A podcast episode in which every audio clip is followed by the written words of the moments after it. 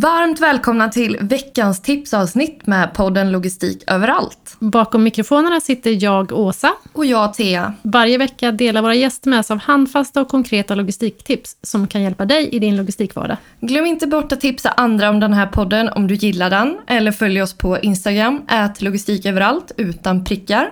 Nu kör vi! Vi pratar med Anna Persson, Head of Supply Chain and Logistics på Lyko.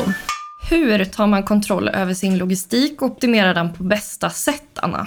Jag skulle säga att det viktiga är att börja precis i den änden, att hålla det enkelt. Alltså så enkelt som möjligt, för logistik är enkelt i grunden. Och den största, det största misstag man kan göra är ju att krångla till det.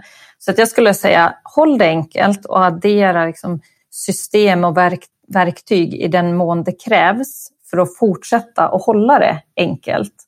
Så att man lägger till truckplock när det är relevant utifrån de volymer man har och sen går man över i automationslösningar när den, man har den volymen. Men även i någonting som verkar komplext, vilket det är vid första anblick, så håll det enkelt och se till att de IT-systemen man adderar är där för att det ska fortsätta vara enkelt.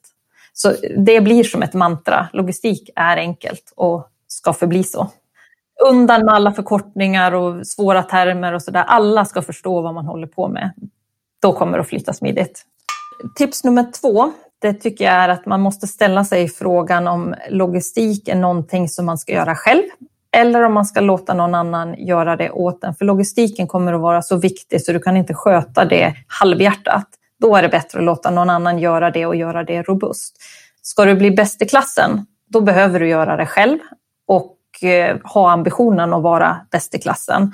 För det, det är då du har möjligheten att optimera utifrån precis det som är viktigt för dig, dina kunder och dina förutsättningar. Men det börjar med, är logistiken någonting som du vill hålla på med? Och jag hoppas ju att svaret är ja för de flesta. Och då ska man investera och satsa på det.